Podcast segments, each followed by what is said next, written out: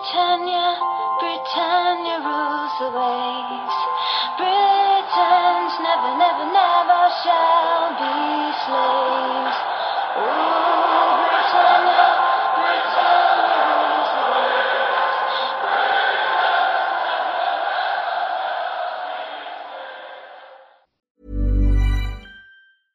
Ryan Reynolds here from Mint Mobile. With the price of just about everything going up during inflation, we thought we'd bring our prices down. So to help us, we brought in a reverse auctioneer, which is apparently a thing. Mint Mobile unlimited premium wireless. Ready to get 30, 30, bit to get 30, bit to get 20, 20, 20, bit to get 20, 20, bit to get 15, 15, 15, 15 just 15 bucks a month. So, Give it a try at mintmobile.com slash switch. $45 up front for three months plus taxes and fees. Promo rate for new customers for limited time. Unlimited more than 40 gigabytes per month. Slows. Full terms at mintmobile.com.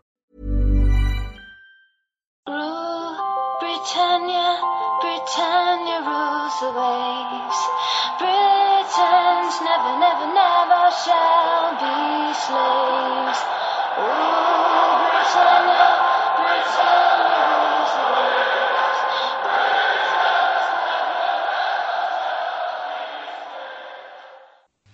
Hej och välkomna till Svenska FPL-podden. Idag är det dags för avsnitt 115 eh, och eh, vi spelar in här den 6 april, eh, tisdag och eh, eh, det är jag, Stefan Knutsson och så har jag med mig Fredrik. Hur mår du Fredrik? Ja, men jag mår bra tack. Det är, går det skit i fantasy får man glädjas åt att det går bra för Liverpool istället. Det brukar vara antingen eller den här säsongen. Så att, nej men fan, det är bra. Då? Ja, men det är kul. Det har ju tajtat ihop sig lite här mellan, mellan poddmedlemmarna eh, i den interna, eh, i de privata lagen. Eh, så att det finns lite spänning kvar där tror jag i vår kamp.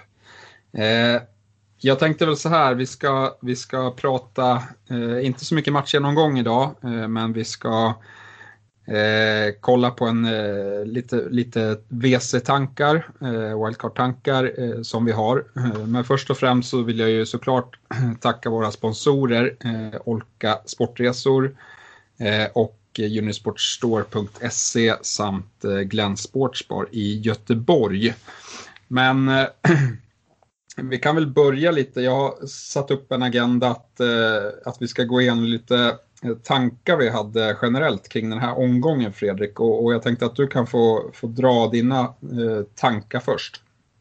Ja men absolut. Eh, vi valde ju liksom att, att, skippa den här eh, traditionella laggenomgången just för att vi kände att risken var ganska stor för att det skulle bli ett kaka på kaka när vi ska foka ganska hårt på, på lite wildcard-tankar i och med att det är många som går just sitter med just kanske ett aktivt wildcard redan nu. Eh, men jag har några takes från, från eh, helgens spel. Liksom. Eh, och det första är egentligen FPL versus PL. Eh, och, och vad menar jag med det? Fantasy versus liksom verkligheten. Ja, men jag tänker på två lag framförallt och det är Chelsea och Spurs. Eh, och det ena är ju liksom eh, en katastrofal torsk för Chelsea hemma mot West Brom och det andra är liksom ett katastrofalt poängtapp hemma mot Newcastle för, för Spurs. I verkligheten. Det är liksom två katastrofresultat. Men för den som satt med liksom exempelvis Kane och med, med Mount, ja men då resulterar det ändå i poäng. Och jag tycker att det här är värt att, att liksom påminna om att verkligheten, det är, när du sitter och håller på ett lag, det är en sak. Och sen att spela fantasy är någonting annat. Liksom. Hade jag suttit med mitt Mount i mitt bygge hade jag ju gett blanka fan i att Chelsea torskade. Liksom. Han, han, han fick ju bara bänken, hoppar in och gör mål. Ja, fan, jag är nöjd om jag hade suttit med honom i bygget. Är du med på hur jag tänker med tankegången? Ja, absolut. absolut. Det, och det har väl kanske framförallt eh, liksom, när, när vi tänker offensiva spelare. Eh, eller liksom, Mm. för, för, ja, eller så tänker jag i alla fall. att eh, De offensiva spelare kan ju plocka poäng i, i, i oavsett resultat. Men, men det är lite svårare för backarna. Även om vi har några, några utpräglade offensiva backar som, som givetvis kan göra det bra ändå. Eh, men, men som sagt, eh, det blir inga inga dubbelsiffror från, från dem, eller det ska väldigt mycket till om det blir det, om inte nollan hålls också. Nej men så är det Vi såg ju bara en, en Alonso som fick en fantasyassist eh, eh, och ändå bara landa på tre poäng eh, i och med att man släpper fem bollar och så. Så visst är det så, det gäller ju framförallt offensiva spelare men ändå liksom en sån grej som är värd att påpeka att eh, bara för att ett lag går dåligt så innebär det inte automatiskt att eh, spelaren därifrån i ditt bygge presterar dåligt. Eh, den andra taken är svår att liksom undgå. Det är ju eh, Liverpool is back. Eh, jag vet att jag har dashat ganska mycket på, på mitt älskade Liverpool de senaste månaderna framförallt. Men, men nu med den, jag vet inte hur vi ska recensera slakten mot Arsenal. Eh, men det var väl ungefär det det var. I en halvtimmes 0-0 spel med ändå liksom ja, dom, klar dominans och sen så lite islossning när Jota kommer in. Eh, ja, men nu, till och med jag börjar ju faktiskt inse nu att nu finns det lite värde i, i Liverpool-gubbarna igen om de kan hålla i det här. Sen får vi se hur det går. Eh, när vi spelar in här nu tisdag kväll så, så möter Liverpool Real Madrid borta i CL. Återstår väl att se hur det går där men jag, det känns oavsett det så känns det som att eh, i ligan så, så börjar man tacka, eh, takta igång här nu. Ja, nej men det får jag absolut hålla med om. Vi har väl haft, jag och Alex har väl varit lite mer i, i favör kring, kring Liverpool. Eh, att liksom vi har kollat på spelschemat och eh, Eh, ja men det har väl varit eh, dumdristigt på ett sätt att man har eh, haft så starkt förtroende när de har haft eh, en formsvacka. Men, men liksom eh, likförbaskat så, så är vi här nu där man där man nog vill ha tillbaka Liverpool-spelarna. Eh, och för egen del så har väl jag liksom haft lite lite förkärlek för Trent Alexander-Arnold de här senaste omgångarna. Jag tycker han har sett, sett bra ut trots att, eh, att Liverpool kanske inte har fått med sig resultaten riktigt. Eh, men, men jag håller med verkligen i Dels så var, i, om vi pratar om helgen, så tyckte jag att Liverpool eh, var tillbaka till en, till en högre nivå samtidigt som, ja, men som Arsenal hade stora problem. Eh, vi mässade ju lite att liksom, både Louise och, och Xhaka var ju borta som ja, men som står för mycket av speluppbyggnaden i Arsenal och, och där mm. hade vi problem genom hela matchen och det, det kändes som att Liverpool inte behövde göra speciellt mycket i sitt pressspel för att återerövra bollen och, och liksom ju längre matchen led så, så blev inte det där hållbart utan när väl ettan kom då, då var matchen körd kändes som. Mm. Mm. Ja, men det blir intressant att hitta tillbaka och det är väl egentligen skulle jag säga Eh, Eh, bara Salah som är, som är lite klurig att få tillbaka in. Det har ju en, vi kommer ju prata mer om de andra Liverpool-tillgångarna sen men, men det är ju han som är liksom en, men så pass dyr att det är svårt att hitta ett rakt, ett rakt byte. Eh, men eh, ja, vi återkommer väl till, till eh, Liverpool-tillgångarna framöver. Den, den sista taken, den är ju, jag menar, vi har ju inte Alex med oss idag. Jag hörde att han satt på något plan där han skulle jaga Eh, Jesse Lingards autograf tror jag i, i London. Eh, och det kan, det kan man ju förstå. Eh, Messi Lingard eller vad det de skrev i chatten. Eh, och, nej, men det är väl bara att, att instämma i, i Alex hyllningskör där att Jesse Lingard gör ju en helt fantastisk match mot, eh, eh mot, mot Wolves det, och är ju i en helt makalös form eh, mot vad han har varit de senaste åren. Eh, så att, nej, han, han, eh, han är svår att snacka ner. Även om man inte är någon fan av Lingard generellt så är det bara, liksom att, det är bara att ge honom det. Att just nu är han i en jäkla form alltså. Ja, nej, det, det är klart han är. Sen känns det ju, eller jag har ju, nu har jag inte sett matchen mot, mot Wolves, men jag har hört att, eh, att liksom den prestation, eller den matchen var lite utöver vad vi har sett tidigare.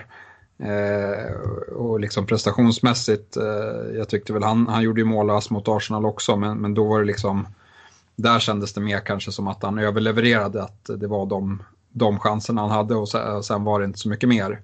Eh, men, men, det går ju inte att ifrågasätta, han har väl tagit poäng nästan varje match sedan han kom tror jag. Det, jag tror att det är någon match han har blankat, men, men eh, Sen, sen han gick till West Ham har han presterat väldigt mycket poäng och eh, om vi ska komma till det, men, men, han känns ju given om man har eh, fria val. Eh, men jag kanske inte hade jagat in honom liksom till nästa omgång om, om jag ska byta in honom. Ja men precis. Ja, vad spännande. Vad är dina takes på, på helgen som var?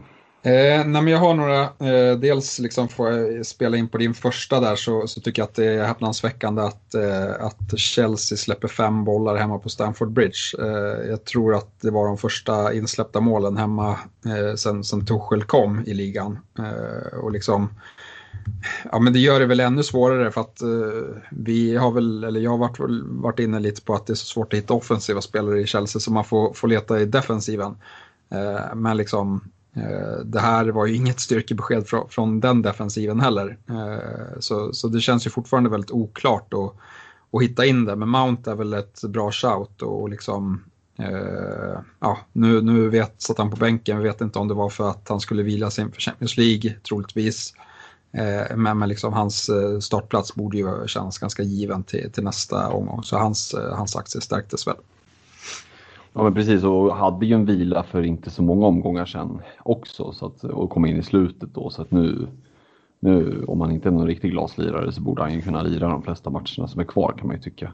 Men apropå försvaret där, det vore ju också märkligt om Torshäll klev in i ett lag som inte har varit så jättesamspelt och bara liksom svingar med trollspöt och så är allt bra igen. Jag tror att eh det är inte så, eller jag tycker att det är inte är så konstigt att det kommer ett bakslag sådär. Sen att det just mot, sker mot West Brom hemma, det kanske inte var så många som såg den komma. Men å andra sidan, det vart ju också en jäkla väckarklocka för dem. Så att, eh, eh jag själv är nog inte jätteavskräckt av Chelseas eh, försvar bara för en sån här negativ insats. Jag tror att det kan ha varit en, en ganska bra väckarklocka. Jag tror han har han har nog, eh, eh, ja, ska man säga, han har nog piskat på dem ganska bra här inför, eh, nu först inför, inför Champions League och sen också inför, inför nästa ligomgång.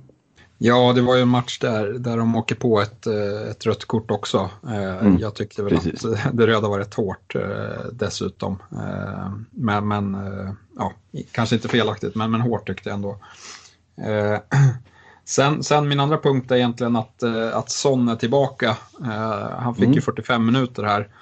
Eh, Kane levererade ju poängen i första halvlek, men, men Son kommer in i, halvtid, de tappar poäng förvisso. Och han imponerar väl inte jättemycket, men, men vi vet ju att Spurs har en, en fin dubbel här som som eh, vi väntar på i, 32an och eh, en, en eh, frisk sån tror jag bör vara i allas tankar inför den omgången. Och, och jag tycker det är liksom värt att ändå hålla honom, eller ha, en plan för om man kan få in honom till den gameweeken. Mm. Ja men absolut.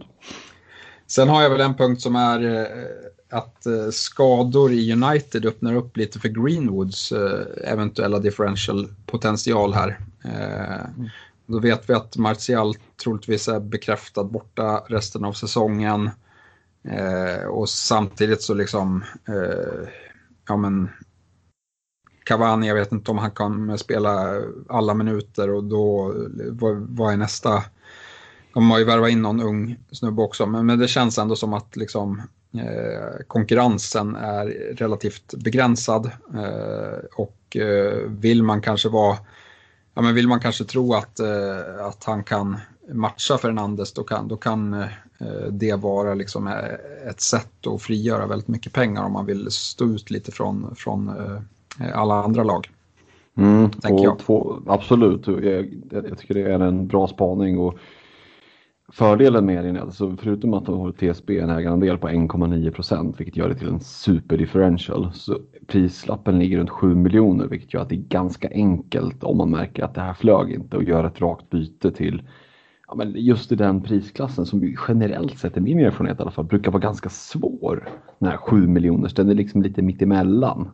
Eh, där känns det ju som att vi har ett gäng med, med mittfältare nu Eh, du skulle nästan kunna plocka ut ett, liksom ett, ett wildcard-lag med, med, bara sju mittfältare i den prisklassen och få ett riktigt slagkraftigt fält. Så att, eh, mm, ja, men den, den, eh, den har potential att flyga och, och det finns en ganska enkel liksom, escape route om det skulle skita sig.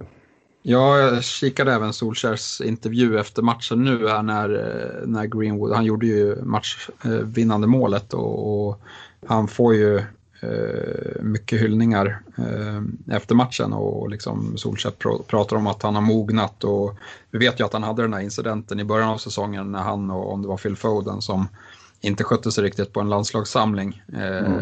Det känns lite som att han är på väg tillbaka på riktigt nu. Mm, mm. Ja, men man trodde ju att det här skulle bli hans stora genombrottssäsong så att, att potentialen finns där det är ju inget konstigt. Nej. Eh, nej. Och sen, sen sista punkt, eller jag kanske har sagt det, men, men en punkt är väl lite att reflektera kring ja, men liksom tabelläget som det är nu. Eh, för det känns som att det börjar bli rätt många lag som inte har så mycket att spela för eh, i ligan. Och då mm. tänker jag liksom på lag som, ja, men som Arsenal, jag vet inte, Villa, eh, kanske fortfarande har Europaplatser att spela om. Men sen har vi liksom ett gäng där som ligger i mitten med Leeds, Palace, Southampton, Wolverhampton. Då, jag, jag, jag, vet inte, jag brukar ha svårt att lita på sådana lag i slutet av säsongen när, när man vet att eh, det inte är så mycket i ligan kvar att spela om. Jag hade fokuserat på, på lagen som ja, men slåss i, i, om Europaplatserna eh, där uppe framför allt. Men, men, även att man kanske kan hitta något fynd i botten, bottenstriden på någon billig eh, lirare. Ja men precis, det är ju i så fall om man märker att, att de släpper fram någon som är ja, men någon som är upcoming och superbillig om man vill ha liksom att fylla ut en, eh, en femte back eller en femte fältare eller en tredje anfallare med. Men ja, jag håller med dig. Det, det, det gäller att ha i åtanke att många lag eh, kanske hade som mål att säkra kontraktet relativt tidigt och sen kunna liksom, menar, eller bara hade som mål att säkra kontraktet. Eh, så kan det också vara. Eh, för det är ju en ganska en turbulent säsong. Jag tror väldigt många lag bara ser det som att överlev i Premier League under den här covid-tiden nu för att liksom, ja, komma ur det till någon form av normalitet efteråt.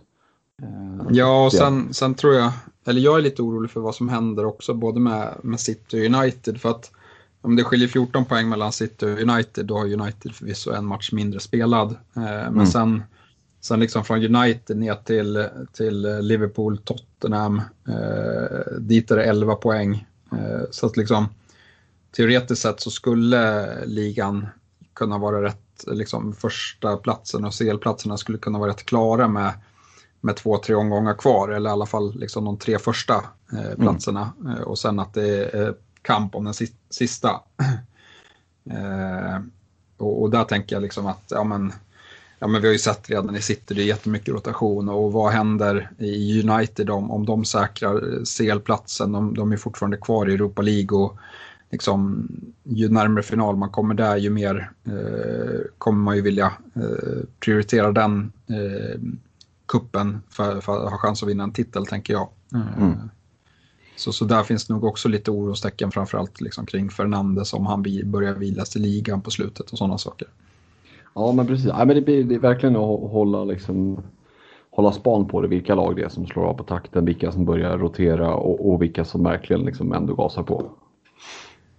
Yes, eh, nej, men jag tror vi har fått med oss lite liksom, nyckelpoänger eh, kring, kring eh, Gameweeken. Nu tänkte jag väl att vi skulle gå in och, och kika på lite wildcard drafts som du och jag har satt i ordning. Eh, mm. Och ja, men du kan väl få börja här också tänker jag. Mm. Ska vi köra hela laget tycker du eller ska vi köra ja, Vi kan väl i och för sig köra, vi kan väl köra position för position eh, bakifrån mm. och så varierar vi då. Precis, om jag börjar då med mina keeprar så eh, som reservkeeper en 3,9. Jag har en Fabri liksom. Eh, det känns som ett ja, men icke-val, bara välja någon så billig som möjligt. Det är framförallt första keepern som är intressant kikade på lite olika, landar ändå i Mendy i Chelsea. Eh, tror att det här var ett tillfälligt bakslag mot West Brom och, och tycker att schemat ändå ser så pass bra ut och, och försvaret har sett bra ut. Så att, eh, jag landar i Mendy ändå. Ja. ja, här har jag tänkt eh, lite annorlunda då. Eh, jag har eh, plockat in eh, Hugo Lloris som eh, första keeper eh, och eh, tänker väl att jag spelar honom eh, i de matcherna när Spurs har överkomliga matcher, men framförallt i, i Game Week 32 då han har dubbelomgång. Eh, eh, och sen när jag plockar in Sam Johnston som, som eh, backup till, till Juris eh, och han ska ja, primärt stå i Game Week eh, 33. Mm. Eh, sen kanske någon annan match eh, där han kan rotera eh, med Juris. Eh, men, men mer för att få ut en match eh, extra av, eh, av mina keepers här och, och, gå all in för, för Spurs eh, för Game Week 32. Utan att för den delen offra för många platser på, på, eh, i, i själva, bland själva utespelarna. Eh, då jag inte tycker att det är någon riktigt eh, som imponerar där som jag vill ha som tredje gubbe från, från Spurs. Yes. Kör vi en backlinje då? Vi kanske backlinje. Eh, så har jag lassat ganska tungt eh, med fem ja, men tunga pjäser egentligen. Eh, I form av Trent Alexander-Arnold, Luca Digny, Aspilicueta, Semedo och Cresswell. Oj, ska du spela fembackslinje? Nej, men jag vill ha en, en flexibilitet och framförallt så tror jag att vi kommer att få se mycket rotationer. Eh, så jag tror att man, jag kommer att behöva använda, om inte hela så i alla fall stora delar av bänken i en hel del omgångar. Och då vill jag kunna liksom sätta en sån som Semedo eller eh, Cresswell på bänken och, som första, liksom, ja, på första kvisten och tänka att eh, han kommer med ganska stor sannolikhet säkert att komma in ändå. Gör han inte det, då är det, då är det så. Men eh, då är det i alla fall en spelare som, som eh, har bra chans att leverera som kommer in. Jag blev lite bränd i förra omgången här när jag tyckte att jag hade en stark bänk och så nollade hela skiten. så att, eh, nej, eh, jag tror ändå på att det har varit min tanke liksom rakt igenom att ha ett relativt slagkraftigt lag. Så. Ja, jag hade ju också tre stycken som inte lirade här eller lite skador och, och så, så att det, det, blev ju tafatt, men, men jag fick i alla fall ihop lag. Eh, men, men det är nog en, en liksom, tanke eh, hur, eh, hur man ska se på det. Eh, mm. Eh, liksom just med, ja men vi, det är väl framförallt att man sitter på citygubbar som, som inte kommer till spel som, som startar problematiken och sen, sen får man någon, någon tveksam spelare och då, då, då är det tunt sen. Men jag har tänkt, ja, vi har tänkt lite, lite lika. Vi har Alexander, eller Trent och Semedo, mm. samma. och ja, men, där kan man väl säga Semedo, vi kanske inte nämnde det, men Wolves har ju ett jättefint spelschema här. Eh, även om inte de som lag har imponerat så mycket så nu ska de ju möta alla skräpgäng. Eh, så om det är någon gång de ska, ska ta poäng så är det ju nu. Och därav så, så har Semedo letat sig in lite utan att, att imponera. Ja, Johnny, är... Johnny dras ju med lite skador där ska vi säga också. Um... Ja, precis. Han, det är ju inte han... helt ovanligt när man har varit borta Nej. länge att man drar på sig något skit. Liksom. Exakt, så Semedo känns ju, känns ju som, som lättare att få in. Där, där kan man väl liksom ta in Cody om man vill det också, eh, som är lite billigare. Men det är inte så att man, jag har någon monsterförväntningar på, på offensiva poäng på Semedo, eh, om man säger. Eh, nej men sen mina övriga, det är egentligen, jag hade tänkt spela trebackslinje i majoriteten av matcherna och då är det Robertson som som utgör den, den trion för mig. Eh, och, och, ja, men jag har valt en billig väg in i Liverpool men ändå en, en upptrippling. Eh, men, mm. men, det får bli ytterbackarna eh, och eh, ja, eh, en mittfältare sen. och, och, mina två övriga är två Brighton-backar eh, i Dunk och Weltman. Och, och, Brighton har inte så bra spelschema men de möter Sheffield United i Game Week 33 eh, Eh, när eh, Spurs inte har match. Eh, och då ja, men gamblar jag på att, att det blir en Brighton 0 och att de, de behöver ju poängen för att de är ju indragna i bottenstriden så att de kommer ju vara motiverade i den matchen och jag ser dem som ett klart bättre lag än, än Sheffield United. Härligt, då tänker jag att Danko Veltman mot Aspilicueta och Dinje och Cresswell, då borde du då borde du ha ett tyngre mittfält än vad jag har om vi ska ta oss dit. Um... Jag kan börja om du vill. Ja, kör du. Kör du. Ja, men på mitten så sitter eh, Bruno Fernandes eh, som, som dyrast spelare. Med sig så har han eh, Son som har en, en dubbelvecka som kommer. Jota i, i Liverpool. Jag tror väl att han kommer få ganska mycket speltid.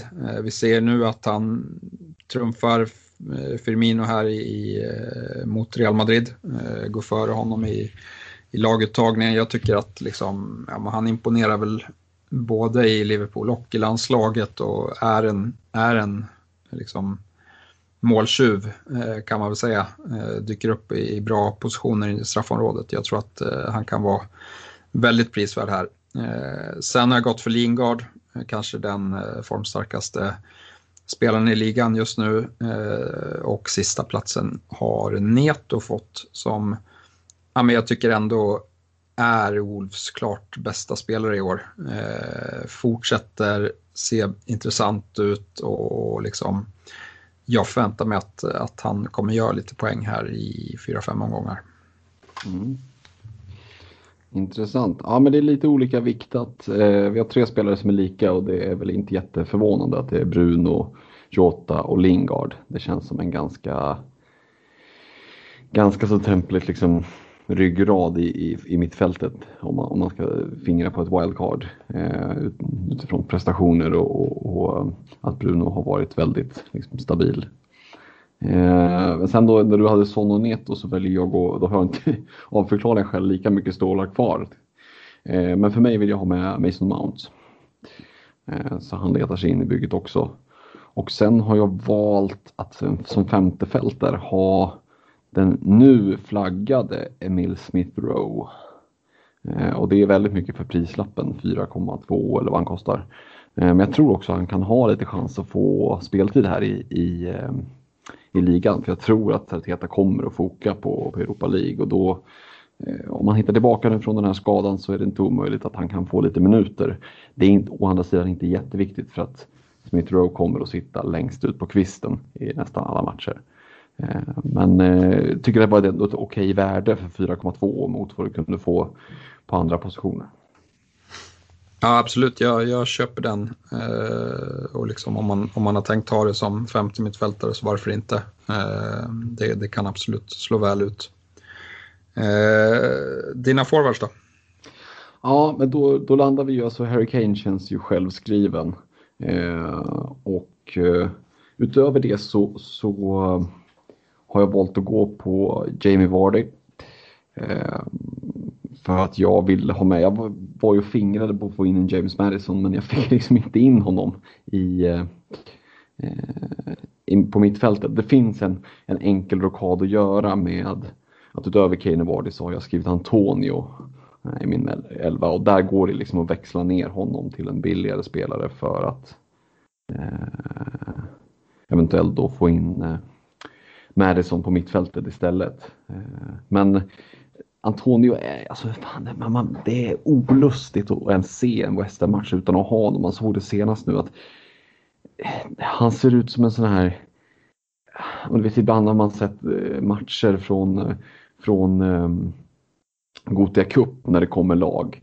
Eh, och de, de är liksom 14 år men de är 14 år bra mycket längre gångna i puberteten än vad 14-åringar de möter det. Så de liksom bara trycker undan dem så de flyger som små vantar. Lite den känslan har jag när jag ser Antonio trycka till mittbackarna i Premier League. Liksom han, nej, det, jag vill ha honom i laget för jag tror att han kommer att leverera i slutet. Så Kane, Vardy, Antonio. Mm. Nej, jag köper, köper, Kane är ju självskriven, eh, det håller jag med om, han är mitt bygge. Mm.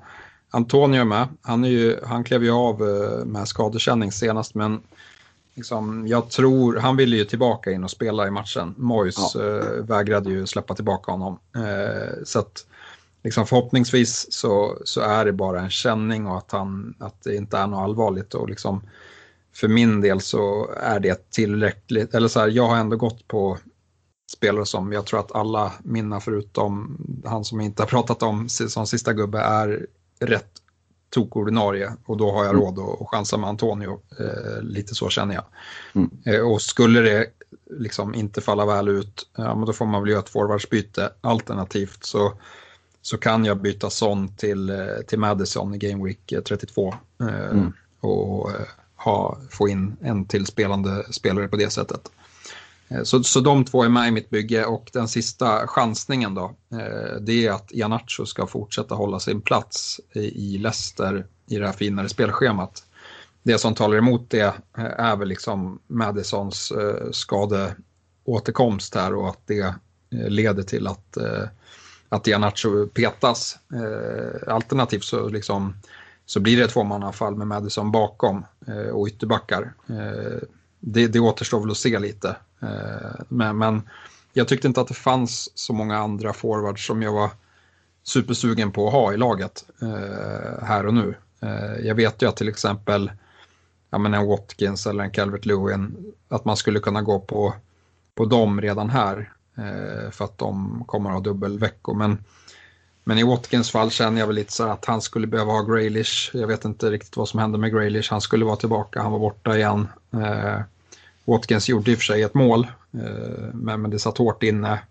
Och jag vet inte, liksom, det känns som att han, han tar inga bonus. Och, så, så att hans, ja, jag har svårt att se att han kommer ta supermycket poäng.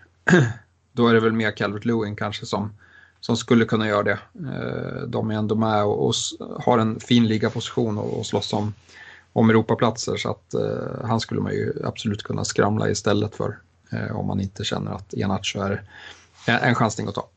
Precis, men det är det. Calvert Lewin är lite dyrare, lite svårare. Han är på 7,6 eller någonting nu. Ja, då får man kanske ta en Cresswell istället för Robertson eh, eller någon, ja. någonting sånt. Eh, man, man, skulle ju faktiskt kunna eh, tokgambla på, på att Phillips håller sin plats i, i Liverpool nu.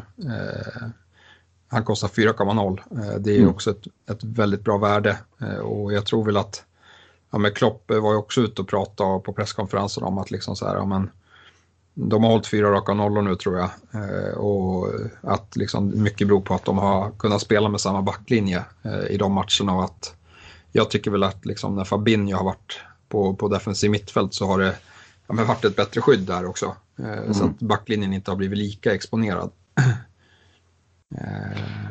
Det, för det, ja, för det, yeah. eller det var i alla fall det som jag tyckte. Jag, jag skrev och klagade på att det var så dåliga bollar ute till Aubameyang i, i första halvlek. Eh, och, men, men, en del i det berodde ju liksom på, på Liverpools eh, in, frenetiska pressspel på, på mitten som gjorde att ja, men Ödegaard eller vem det var nu som skulle slå bollen kanske inte fick den där halvsekunden på sig och ställa in siktet riktigt och att det blev eh, misslagna bollar. Eh, så det var väl mer att de fick stopp liksom i alla fall mot Arsenal, att de fick stopp på, på mittfältet som gjorde att eh, man inte kunde trä in bollar bakom Trent eh, som, som liksom många lag har, har lyckats bra med eh, under mm. säsongen. Det är ju det liksom dock med, med just Trent och, och delvis, eller fram, det är ju, gäller även för, för Robertson, att de har ju så otroligt offensivt hot för att vara listade som backar. Det är ju ändå svårt att liksom bortse ifrån att, ja visst, han kostar 7, ja, 3 eller 7 miljoner eller vad han ligger på. Men det, ja, kommer Trent igång, vi sa ju det inför säsongen att Alltså då var ju Trent given. Han hade väl en eh, TSB-ägarandel på typ 60 procent och det var ju liksom ändå så här att vad är det för fyra av tio snuttjullar som inte har Trent i laget? Mm. det var ju snarare tecken på det då. Eh, så hittar han liksom tillbaka, om ens halvvägs bara till, till forns stora dagar så då finns det ju bra potential där alltså. Ja, nej, men jag tycker, jag, jag tycker att han har hittat tillbaka lite så. Sen kanske liksom nollorna sitter ju, eller är ju kanske lite svårare att räkna hem i år med tanke på att van Dijk inte finns där. Men, men kollar man liksom på Trent, eh, jag vet inte, han, ja, nej, det kan, men man ändå liksom plockat en, en hel del poäng på slutet där. Eh, 12 senast, 9 innan dess. Mot Sheffield plockade han också 9. Eh, så att, eh, nej, det Framförallt har han plockat mycket bonus. Mm. Utan egentligen gjort så mycket offensivt. Eh, så, så det är ju lovande. Ja, det blir intressant att se. Nej, men det, det, finns ju, man är ju avundsjuk på de som sitter med, med ett wildcard eh, aktivt här och ska dra eller ska dra det. Och, för det finns ganska många, inte många, men det finns en, lite olika vägval att göra hur, vad man väljer att prioritera. Eh, och det, är liksom, det är lite som någon form av liksom sitta framför framför bankmannen med, med sparandet och det finns liksom en sån här förbeställd sån här folder som ligger på skrivbordet emellan där det är så här, ja men vill du, vill du, vill du köra liksom låg risk, mellan eller hög risk? Eh, Wildcard-situationen påminner lite om den nu, att du kan liksom bara gå på safe choices och du kan gambla lite grann, så kan du bara tok-gambla beroende lite på dels vem du är som manager men också eh, vilken situation man är i. Kan du hålla med om det? Att det finns lite olika vägar och att styra in det på? Ja, absolut. Jag tycker det finns eh, väldigt mycket val eh, just nu och liksom eh, mycket osäkerhet också i de lagen och spelarna som man brukar liksom kanske vara trygg i. Så, så tycker jag att det finns, ja, men det finns till exempel alternativ i Ja, men det starkaste är väl Jota, att man går på Jota istället för Sala. Mm. Kan falla jätteväl ut och att man får massa mer pengar till andra spelare. Man kan man kan chansa på Greenwood istället för Fernandes. Eh, eh, om, om man hellre känner för det eller gör både, både och känns, känns lite dumdristigt. Eh, för att, eh, eller jag tycker väl kanske framförallt Bruno, han har väl bevisat ändå att eh, han ska ju vara där tills, tills motsatsen bevis, bevisas lite grann. Eh, så fort United gör någonting så är han inblandad. Eh, Ja men alltså och... i, fant i fantasybygget så det är inte Bruno som kommer att spela sig ur ditt fantasybygge. Det är ju Ole Gunnar Solskjaer som kommer att spela Bruno ur ditt fantasybygge när, han, när han börjar bänka honom. Liksom. Ja, och det vet vi inte om det kommer ske. Eh, så att, eh, men, men visst, jag, jag tror i den här landslagssamlingen fick han väl en del vila. Jag tror att han var avstängd någon match, han byttes ut tidigt i någon match. Eh, så jag tror inte att han har inte spelat så jättemycket minuter i, i landslaget. Eh, så även om det är mycket matcher nu för United så, så tror jag att eh, det, är, det är nog snarare så att, att man byter ut honom efter 80 minuter så att han slipper den här sista kvarten som, som kanske tär allra mest på, på fysiken. Ja, och den som är mest risk, liksom för, risk för skador. Mm. Eh, men jag tycker det laget som tydligast exemplifierar de här olika vägarna egentligen som vi, som vi har varit inne och nämnt egentligen alla tre spelare på, det är ju Leicester. Eh, där du har en Jamie Vardy som är liksom det säkra valet. En Madison som är lite mer medelrisk och som nämnde du i Nacho där liksom det finns eh, väldigt mycket uppsida om man träffar det. För att, jag har inte hans ägarandel framför mig, men vad skulle du gissa på att Iheanacho ligger på i ja, det, är lågt, det är lågt. Eh, sen får vi se, jag, tror, jag tycker man ska följa Leicester och liksom så här, börjar de spela wingback så kan Kastanj till exempel få spela höger wingback igen. Eh, mm. Då, vi vet ju vad han gjorde i början av säsongen. Eh, och liksom, vi, vi trodde att Pereira kunde vara det valet. Nu, nu verkar han ha lite skadeproblem och så, men liksom, är, så fort om det är någon Leicester ytterback som, som får framskjuten position, eh, då tror jag att man ska kika dit. Eh, för att där kan det bli både nollor och offensiv utdelning eh, här. Liksom det är West Brom, Crystal Palace, Southampton och Newcastle som, som väntar mellan Game Week 32 och 35 eh, och, och de slåss för sin Champions League-plats eh, och har ingenting annat eh, att spela för. Mm. Ja, det, det, det, låter som att det är eh, ganska goda möjligheter till poäng där. Alltså. Det är mm. till och med nästan så att det luktar lite kaptensval, men det kanske vi ska återkomma till lite senare vad, vad, man, vad som är aktuellt där. Ja, vi är väl liksom, det här var väl egentligen diskussionen. Var, är det några spelare som du kände så att ja, men den, de här spelarna hade jag gärna haft med i, i mitt wildcard-lag men fick inte riktigt till det? Ja, men eh, det är framförallt eh, Madison. Eh, det var liksom han jag sörjde mest att jag inte fick in i bygget egentligen. Ehm, I övrigt så, vi var ju inne, har ju liksom dashat lite på, på Leeds. Jag eh, tycker ju att schemat där med tre riktigt tunga matcher som kommer nu, gör, det avskräcker ju. Men med det sagt så är det ju fortfarande så att de ligger ganska bra till i tabellen ändå. Och låt säga nu att de torskar tre raka mot City, Liverpool, United här. Eh, då kan de ju ändå känna liksom, äh, nu får vi göra en sista uppryckning, Bielsa liksom skäller lite på dem. Då finns det ju spelare där i Bamford och Rafinha som är ganska enkla att växla över till. De är fortfarande ganska så billiga, liksom. det är ganska lätt att göra ja, men en Antonio om inte han funkar till en Bamford eller en you name it mid-price mittfältare till Rafinha. Eh, och, och, jag var inne ett tag på om man skulle liksom, ja, men lägga Rafinha som femte mittfältare och låta honom ligga där lite latent för att inte behöva göra ett sånt eh, byte när det väl kommer till slutet av säsongen. Eh, och bara kunna liksom övervintra honom här nu i tre, tre omgångar för att sen tjoffa in honom i slutet. Men eh, jag vet inte, jag är inte tillräckligt övertygad om att Leeds kommer att, att prestera även om som sagt schemat där det finns en del intressanta matcher i slutet. Hade du någon där som du kände att du sörjde att du inte fick med?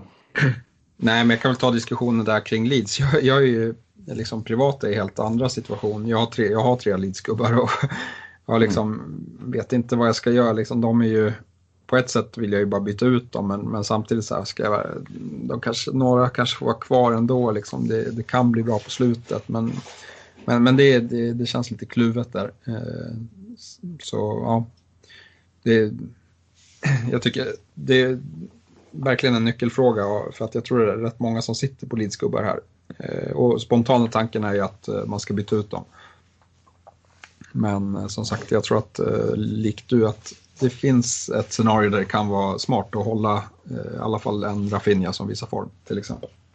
Ja, det är svårt att, över, att liksom övervintra mer än en eh, längst ut på, på, på kvisten där eh, genom de här tre tuffa matcherna. Och samtidigt Leeds är Leeds, alltså, lite som jag är inne på för att återknyta det vi pratade om i början.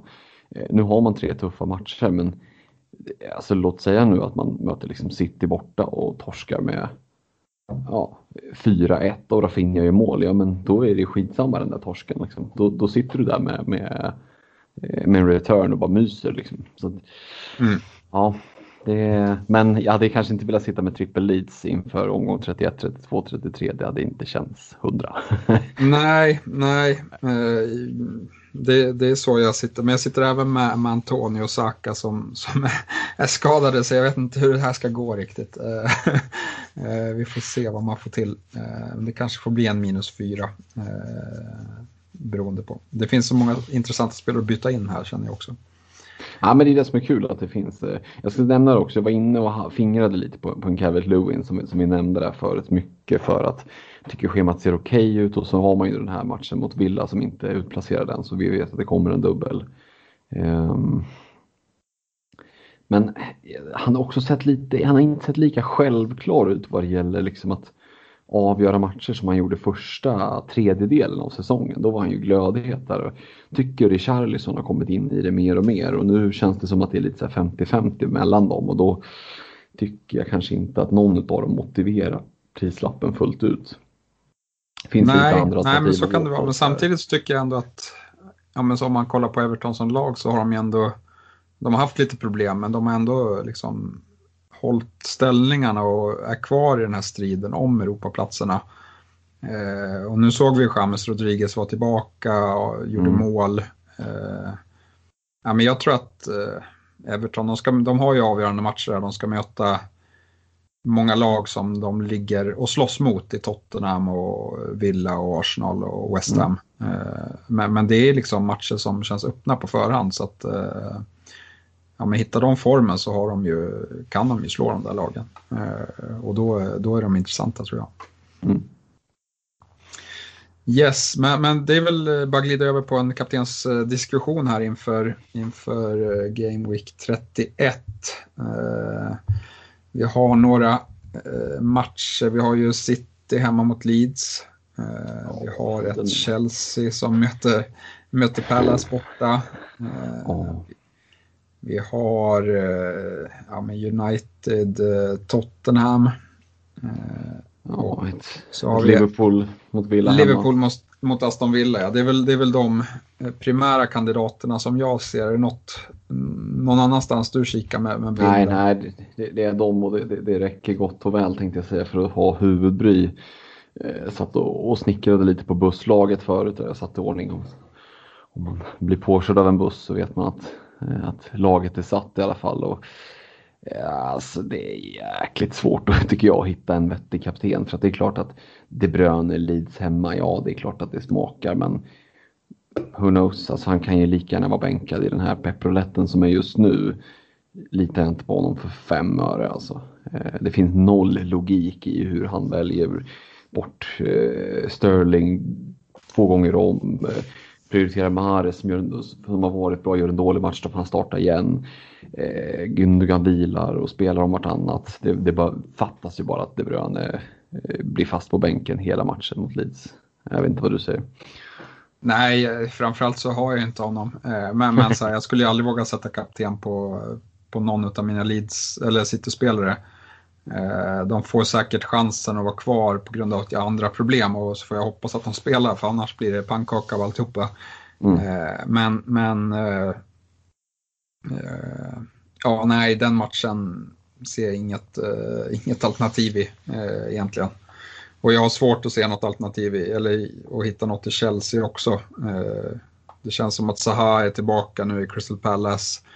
De är mycket väl kapabla till att och göra mål. Så, så det, därav så, så talar inte liksom backarna speciellt mycket.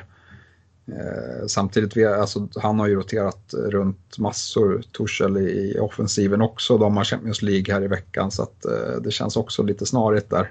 Mm. Nej, det är ju en Mason Mount i så fall, men det känns som ett väldigt långskott att sätta binden på det. Då kan vi snacka, då är vi på den där högriskdelen av folden på, på bankkontoret. Eh, ja. Nej, men det är väl liksom om man ska bortse från sina egna byggen och sådär så är det väl eh, oaktat hur det går ikväll här mot Real Madrid för Liverpool när vi spelar in. Men Mohamed Salah, Villa hemma. Ja, har man Salah så, så hade jag nog bindlat där. För jag tycker inte Villa ja. har, har sett lika bra ut. Eh, så som tidigare på säsongen. Jag tror att det där, det där grejar Liverpool. Eh, mm. Så, så det får väl vara förhandstipset. Annars så ska man ju välja något, någon, något lag som inte har något Europaspel och, och något att tänka på. Jag vet, Alex han hade säkert bindat Lingard här, men, men det är ju, jag vet inte, jag, jag är inte där än uh, i, i de tankarna. Leicester hemma, ja, som sagt, fortsätter han på den här Messi-nivån då, men det, då ska han väl göra det också. Eh, sen är det ju så att det blir en avvägning mellan att ha bra matcher liksom kontra eh, jag, jag, kan säga att jag själv här jag har ganska lätt att falla tillbaka på ett val som ja, men till exempel Harry Kane. Eh, det är ingen bra match, det är United hemma, men å andra sidan är Harry Kane en av ligans bästa spelare. Eh, så att, det är ju inte jättechockande om han kommer ifrån med en return oavsett att de, fast de möter liksom United hemma. Tänker jag. Ja, nej, för min del så kommer det nog vara han som är kapten. Eh, mm. och liksom, det beror mycket på att eh, jag kommer inte ha Ja, men jag har ju Bruno, liksom, men jag vet inte, de har Europa League på torsdagen där. Jag får ändå betta på, på Spurs tror jag, eh, mm. i den matchen.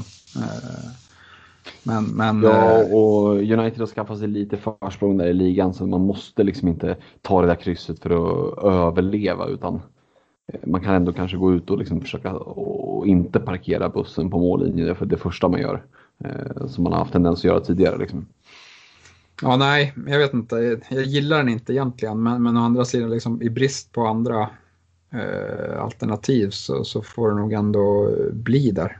Eh, mm. annars, får, annars kan man ju gå loss på någon differential kapten liksom i, jag vet inte, Chris Wood ska ju möta Newcastle. ja, exakt. Det är ju standard annars att kolla vilka ska möta Newcastle. Ja. Men Burnley, ja, sitter du med Wood i bygget så why not? Eh, men nej, jag tror vi kommer se ganska så utspridda kaptensval eh, den här Game Week 31. Så träffar man sin kapten oavsett vem man väljer så kan man nog få ganska bra liksom, nettoutdelning på det. Eh, utdelningen på, på Kane som kapten när, eh, när de möter Newcastle blir ju inte jättestor för de allra flesta bindlar ju honom när de möter Newcastle. Annars, eh, annars är man snäll annars så säger man att man är våghalsig annars. Men jag skulle säga att jag är korkat liksom och gör något annat när han, när han möter Newcastle, om man nu sitter med Kane i bygget. Um, men här känns det mer öppet alltså och det, jag gillar ju när det är öppet. Jag tycker det är kul. Uh, och nu när du sa så, så vart jag lite sugen på att bindla De Bruyne ändå. Bara falla tillbaka på, det kanske blir världens differential. Ja, nej, eh, så kan det vara. Uh, men, men uh, ja, jag tycker det är snårig omgång att hitta rätt med kaptensbindeln. Mm. Det var lättare förra veckan när man hade hade Kane och Bindla och han leverera. Eh, men, men här känns det mer öppet. Eh, så eh, nej, men vi går väl vidare. Det finns ingen idé att älta mer om det där och så går vi vidare till, till lyssnarfrågorna. Mm. Och Jonas Wallman börjar vi med.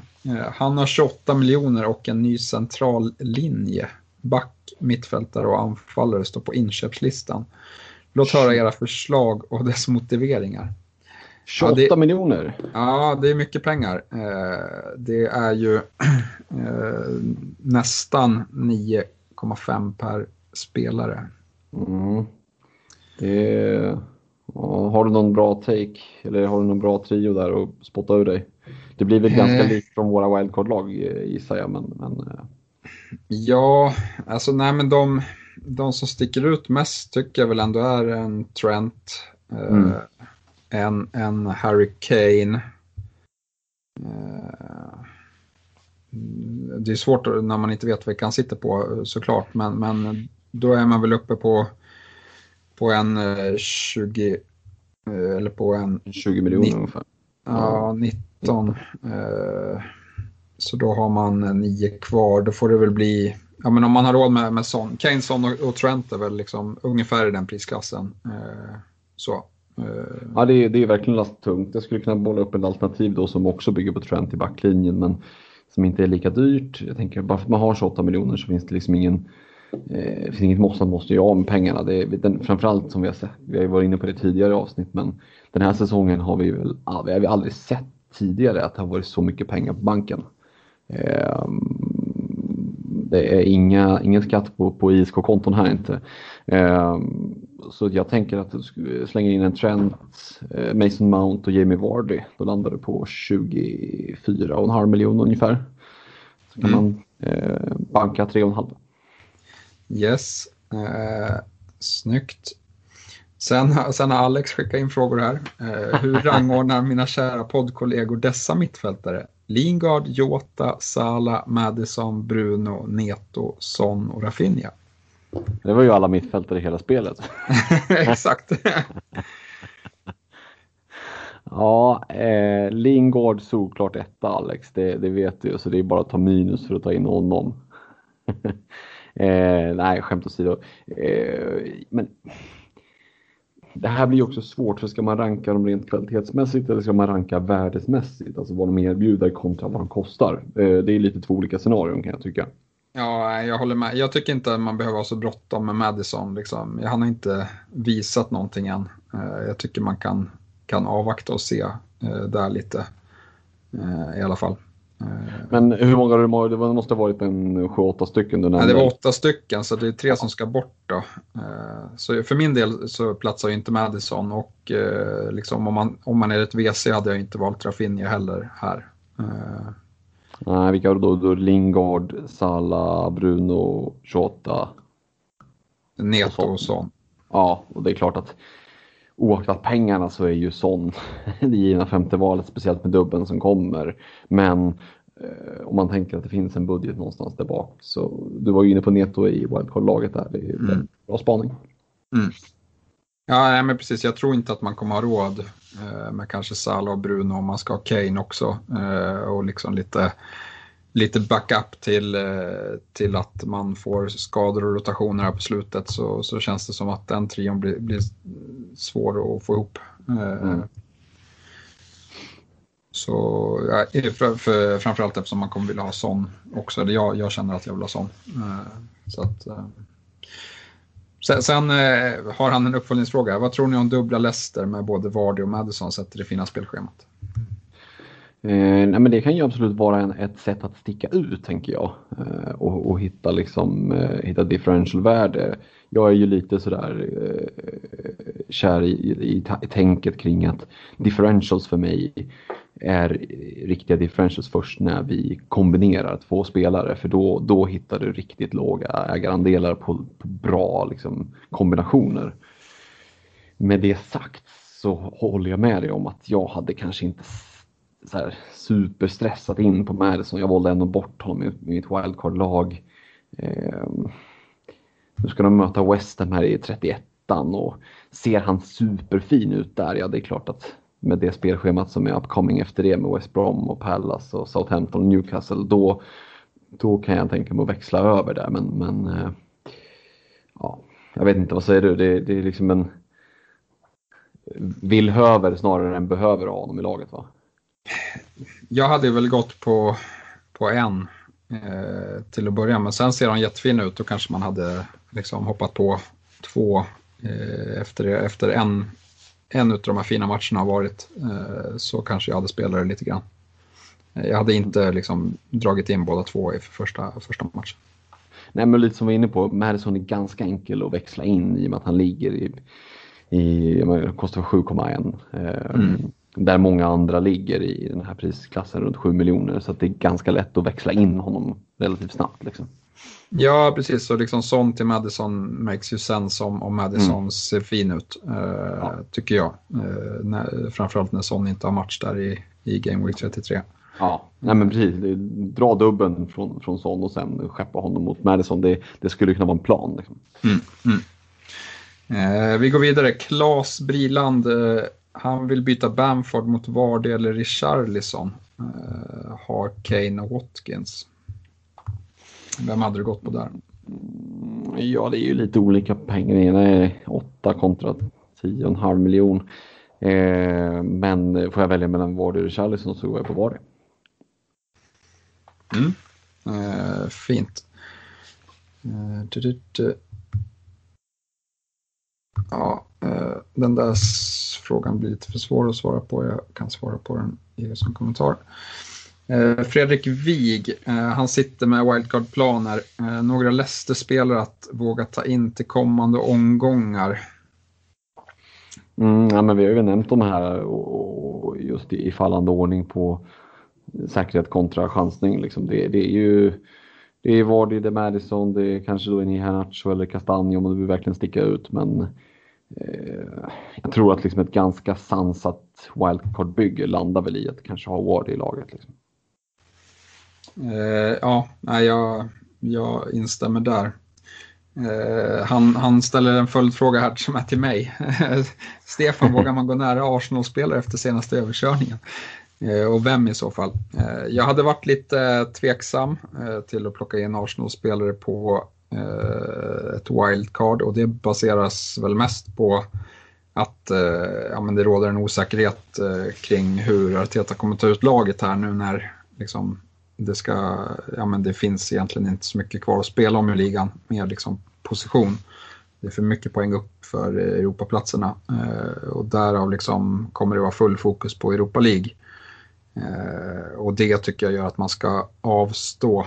Eh, men, jag tycker Fredrik, du var inne på liksom Smith Rowe som 50 mittfältare kan absolut eh, vara ett alternativ. Ja, men, men, men i övrigt man... så hade inte jag valt någon i Arsenal. Nej, det är just liksom om man väljer att ha tre anfallare som man vill spela i, inte vecka ut och vecka in, men i princip. Då kan jag tycka att det finns ett värde där. Men, men man sneglar lite mot Ödegård och han gjorde ju en så oerhört blek insats mot, mot, Liverpool och då var ju frågan liksom hur mycket var det han som var dålig och Liverpool som var bra. Men han har ju ändå sett ganska intressant ut de senaste veckorna så att låt säga att han studsar tillbaka här nu i, i helgen och gör en riktigt bra match. Då tror jag att vi kommer att vilja blicka lite. Vi kommer i alla fall att snegla mot honom med tanke på spelschemat. Mm, mm. Eh, det tror jag också. Eh, sen, sen är han inne på Wolves har inte rosat marknaden men schemat är ju fantastiskt. Eh, Neto size kan det vara alternativ? Mm, jag vet inte vad du säger men eh, Wolves känns som ett sånt där lag med Ja men det är väldigt mycket med över hela laget men spelschemat är så pass bra att det är värt att ha någon liten outsider. De är ganska billiga liksom, så det, det blir lite av en pant att ha en Semedo eller en Neto och sittandes där liksom längst ut. Och, ja visst, det kanske blir två poäng men det finns ändå möjlighet till, eh, till lite gratispoäng för att man möter skräpgäng. Liksom. Ja, och jag tror inte att det är så många som har dem så att liksom, eh, eh, där kan man nog sticka ut lite grann också. Så jag tycker väl båda alternativ, men att ha två eh, kan vara en för mycket. Kan, mm. kan väl vara så. Eh, Henrik Jonsson undrar vilka anfallare ska man satsa på nu när Bamford och Watkins går in i svårare scheman? Eh, Antonio var planen men han eh, är ju lite osäker nu. Kane eh, finns redan i bygget. Mm, vad säger du? Jag tycker det är svårt. Jag tycker väl att eh, ja, men har man wildcard så, så, tycker väl jag att man kanske har råd att chansa med en Antonio. Eh, lite beroende på vad som sägs här nu på presskonferenser och så med, med liksom uppsidan med att ha kvar Antonio när kanske en hel del folk gör tidiga byten och plockar ut honom kan ju liksom vara stor. Eh, så, så han tycker jag väl ändå att liksom, ja, plocka in en Vältman eller någon liksom billig som kan, som kan eh, eh, som är ordinarie som kan komma in ifall du behöver så och liksom plocka i ordning någon, någon spelare till eh, så, så, så, tycker jag att man kan chansa med Antonio. Eh, Sen är det väl Calvert Lewin som, som eh, eh, och liksom som, som jag faller tillbaka på. Jag vet inte, jag tror inte att jag kan eller hade haft råd med Vardy, men Vardy är väl också ett alternativ. Ja men precis, Vardy, låt säga att du, ja, de är, de är rätt så billiga, men låt säga att man har pengar på banken, då känns ju Vardy som det, liksom, det, det enkla valet. Mm. Eh, sen, var det, sen har vi fått lite wildcard-frågor från Simon Nilsson och Jonathan Ledin, men de tycker jag att vi har svarat eh, på tidigare här när vi diskuterar våra tankar kring wildcard. Eh, Robert Jonsson undrar, jag har två fria byten och är inne på att ta, ut eh, Kevin De Bruyne och Dallas mot Trent och Jota. Tankar om det? Eller finns det någon annan back eller mittfältare jag bör överväga? Mm, ja, det är ju det alltså. Det, det, för mig är City-läget så att jag skulle ju liksom inte, med satt på ett wildcard uppenbarligen här, plocka in en. en eh, om det var ett, liksom ett blankt blad så känns det ganska, frågan är om det någonsin har känts så avlägset, det var i alla fall väldigt länge sedan, eh, att ta in City-tillgångar. Men att skeppa Kevin De Bruyne Leeds hemma så får han spela eh, det kan straffa sig riktigt rejält. Eh, jag vet inte, hur kände du kring det? Ja, det kan straffa sig och sen vet vi inte för att, eh, nu vet jag inte, jag såg att Real Madrid ledde här, men, men det är ju Champions League både nu och mm. nästa vecka. Mm. Och de lagen som är kvar där, liksom, och byta in Trent och Jota och så kanske du får två rotationer där. Nu, nu kanske inte så sannolikt att Trent roteras eftersom han inte var med på landslagsuppehållet. Eh, men med liksom Jota är väl inte helt 100% ordinarie. Eh, så. Nej, och, och ur den aspekten i, skulle det vara så att man har pengar för att bara göra ett av byten, bara ta in Trent till exempel, eh, så kan det vara läge att rulla ett byte så att du Eh, inför liksom nästa Game Week som dessutom då också är en, en double Game Week för, för, Spurs sitter med två fria byten. Det, jag sitter själv med två fria byten inför den här eh, Game Week 31 och jag är ganska inne på att eh, försöka klara mig ur genom att bara göra ett byte, rulla ett så att jag sitter med två fria inför, inför nästa. Mm, mm. Ja, men det, det där är svårt och liksom, det är ett sånt byte som kan falla jätteväl ut. För jag ser ju liksom logiken i att plocka in två Liverpool-gubbar här. Eh, det har vi mm. varit inne på både du och jag i våra mm. wildcard-tankar att det liksom, vi tror att Liverpool kan vara att satsa på. Eh, å andra sidan som du säger, liksom, eh, ska, Leeds har inte riktigt rosat marknaden när de har mött eh, de bästa lagen i ligan och det kan rinna iväg och eh, liksom, De Bruyne skulle kunna stå där med 20 pinnar om han spelar. Eh, så ja, det är lite vad man, vad man har för magkänsla där. Men, men som sagt, det, det, är en stor varians i, i det bytet i alla fall. Mm, verkligen. Eh, Isak Ström, han undrar, ska man sitta kvar med Bale inför dubben? vilka andra i Tottenham bör man ha utöver Kane? Nej, skeppa ah, skiten. skeppa ja, skiten mot vad fan som helst. Ja, för fan, nej men det är ju ett skämt vad han har blivit liksom i frysboxen igen. Så att, eh, nej, eh, det kan jag avslöja redan nu att i mitt bygge så är det det bytet som görs det är att Bale skeppas. Ja, jag skeppade ju redan Bale inför den här omgången för jag var rätt eh, på det klara med att han hade spelat sig långt bort från den där startelvan. och vi får se om det var rätt eller om Bale tas till nåder här av, av Mourinho. Jag gissar på det, att han inte kommer göra det. Ja, sen, vad sa du? Plus en på den. ja, eh, han undrar även om eh, det är läge att skeppa Leeds-spelarna nu när det blir tufft eh, spelschema. Det har vi väl varit inne på och eh, haft en diskussion kring. Eh, Johan Engström eh, har ett byte och funderar på mitt lag fram emot Game Week 33. Hade tänkt mig byta in Sala mot Kevin De Bruyne inför Game Week 32 eller 33. Men nu fick jag även Antonio Luckman på skadelistan och sitter även med Kane och Cancelo.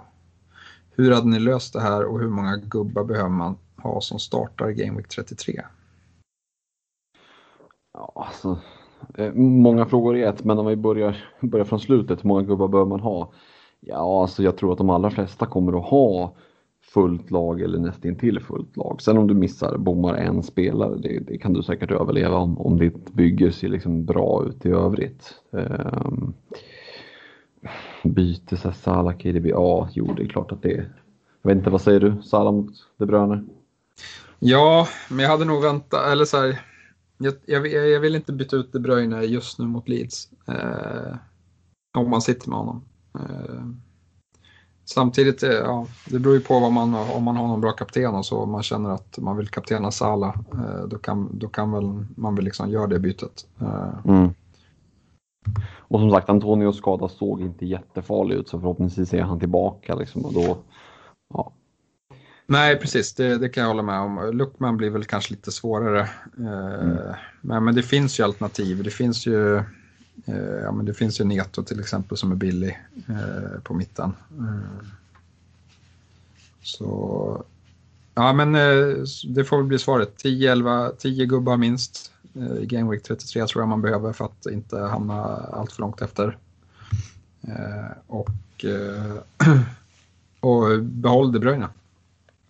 ja, lite så. Karl Kviding, han undrar, eh, har ni också varit med om inför en omgång så har man den där känslan att det kommer bli en riktigt bra omgång. Nästan alla spelare man har i bygget har bra matcher och så vidare. Så. Men så blir det en skitomgång istället.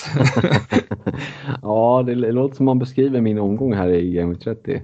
Hade en bra känsla och sen så, eller omgången före det också för den delen. Nej men så är det väl. Eh, du har ju spelat det här eh, fler säsonger än vad jag har gjort men visst är det så att man slits, slits mellan hopp och förtvivlan och det kan gå ganska snabbt där emellanåt också. ja, och det är ju liksom, det är ju många som sitter på de populära spelarna så att liksom det kan ju vara att i de här omgångarna som när alla har bra matcher då missar man kaptenen så, så blir det inte bra ändå. Liksom. Eh, men, men sen en annan gång, omgång när någon eh, oväntad gör poäng. Så det är ofta liksom en, en bra eller dålig game week, det kan ju liksom diffa på 5-10 poäng ibland. Eh, och det är ju det är kanske en spelare som det handlar om. Eh, Mm. och, så det är, man, man får ju inte grand slams hela tiden. Det är ju det här att man hela tiden plockar lagom mycket poäng som gör att man får en bra eh, slutrank, skulle jag säga. Jo, men och sen också just att inte fastna i den här, eh, jag tänkte säga sociala medier-fällan, men det är väl en Twitter-fälla framför allt. Liksom att efter en game week och du sitter 5-6 poäng över average, känner dig ganska missnöjd med. Och så det enda du matas med i Twitterflödet, det är folk som liksom Bam, gjorde 80 poäng, 90 poäng, 80 poäng, 90 poäng. Man känner liksom att äh, det var, liksom, det var sämst det här. Eh, det, ibland är det bra att nyansera lite, att hela, alla alla åtta miljoner byggen finns inte på Twitter. Eh, så det, det, kan vara liksom gött ibland att bara zoom, zooma ut från, från Twitterflödet. Ja, egentligen så, alltså så här, man, man är, eller för min för egen del så brukar det alltid vara liksom jobbigt i början av säsongen för då är man alltid så sugen på liksom att göra massa byten och haka på alla tåg som går. Liksom. Mm. Sen, sen brukar det ändå sluta med att det går bäst när man tar lite, chill i, lite mer chill i liksom andra halvan av säsongen. Och, ja, men man väntar lite och funderar lite och så, så gör man ett byte på torsdagen eller fredagen och, och liksom, ja, så man har tänkt igenom lite mer än att bara smälla in något byte tidigt. Mm. Så, men, jag tror väl liksom, det, mycket handlar väl om att ta hand om sina problem på bästa sätt för att alla, alla lag får ju problem under säsongen. Och det är väl lite hur man löser dem som, som eh, definierar hur, hur framgångsrik säsongen blir. Eh, och så en hel del tur också ska man väl säga. Ja, men det, det är klart att det finns en del tur. Och, men framförallt just det att orka hålla i. Det är ett maraton, det är inte ett 100 meters lopp. Liksom. Alla förutom möjligtvis de som, den som vinner, kommer, även den som vinner har liksom dåliga game weeks.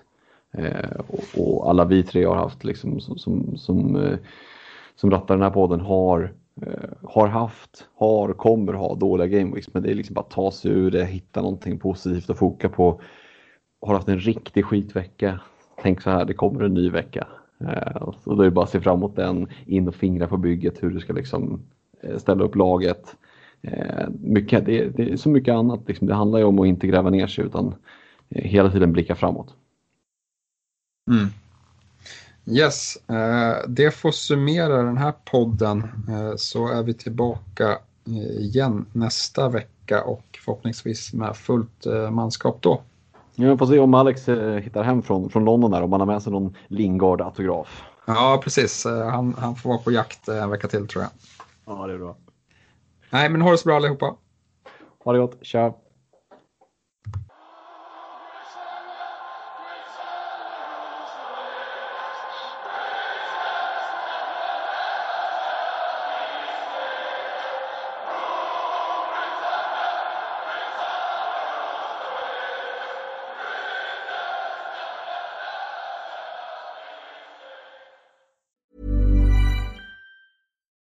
Deserves the best, and there's no better place to shop for Mother's Day than Whole Foods Market. They're your destination for unbeatable savings, from premium gifts to show-stopping flowers and irresistible desserts. Start by saving 33% with Prime on all body care and candles. Then get a 15-stem bunch of tulips for just $9.99 each with Prime. Round out Mom's menu with festive rosé, irresistible berry chantilly cake, and more special treats. Come celebrate Mother's Day at Whole Foods Market.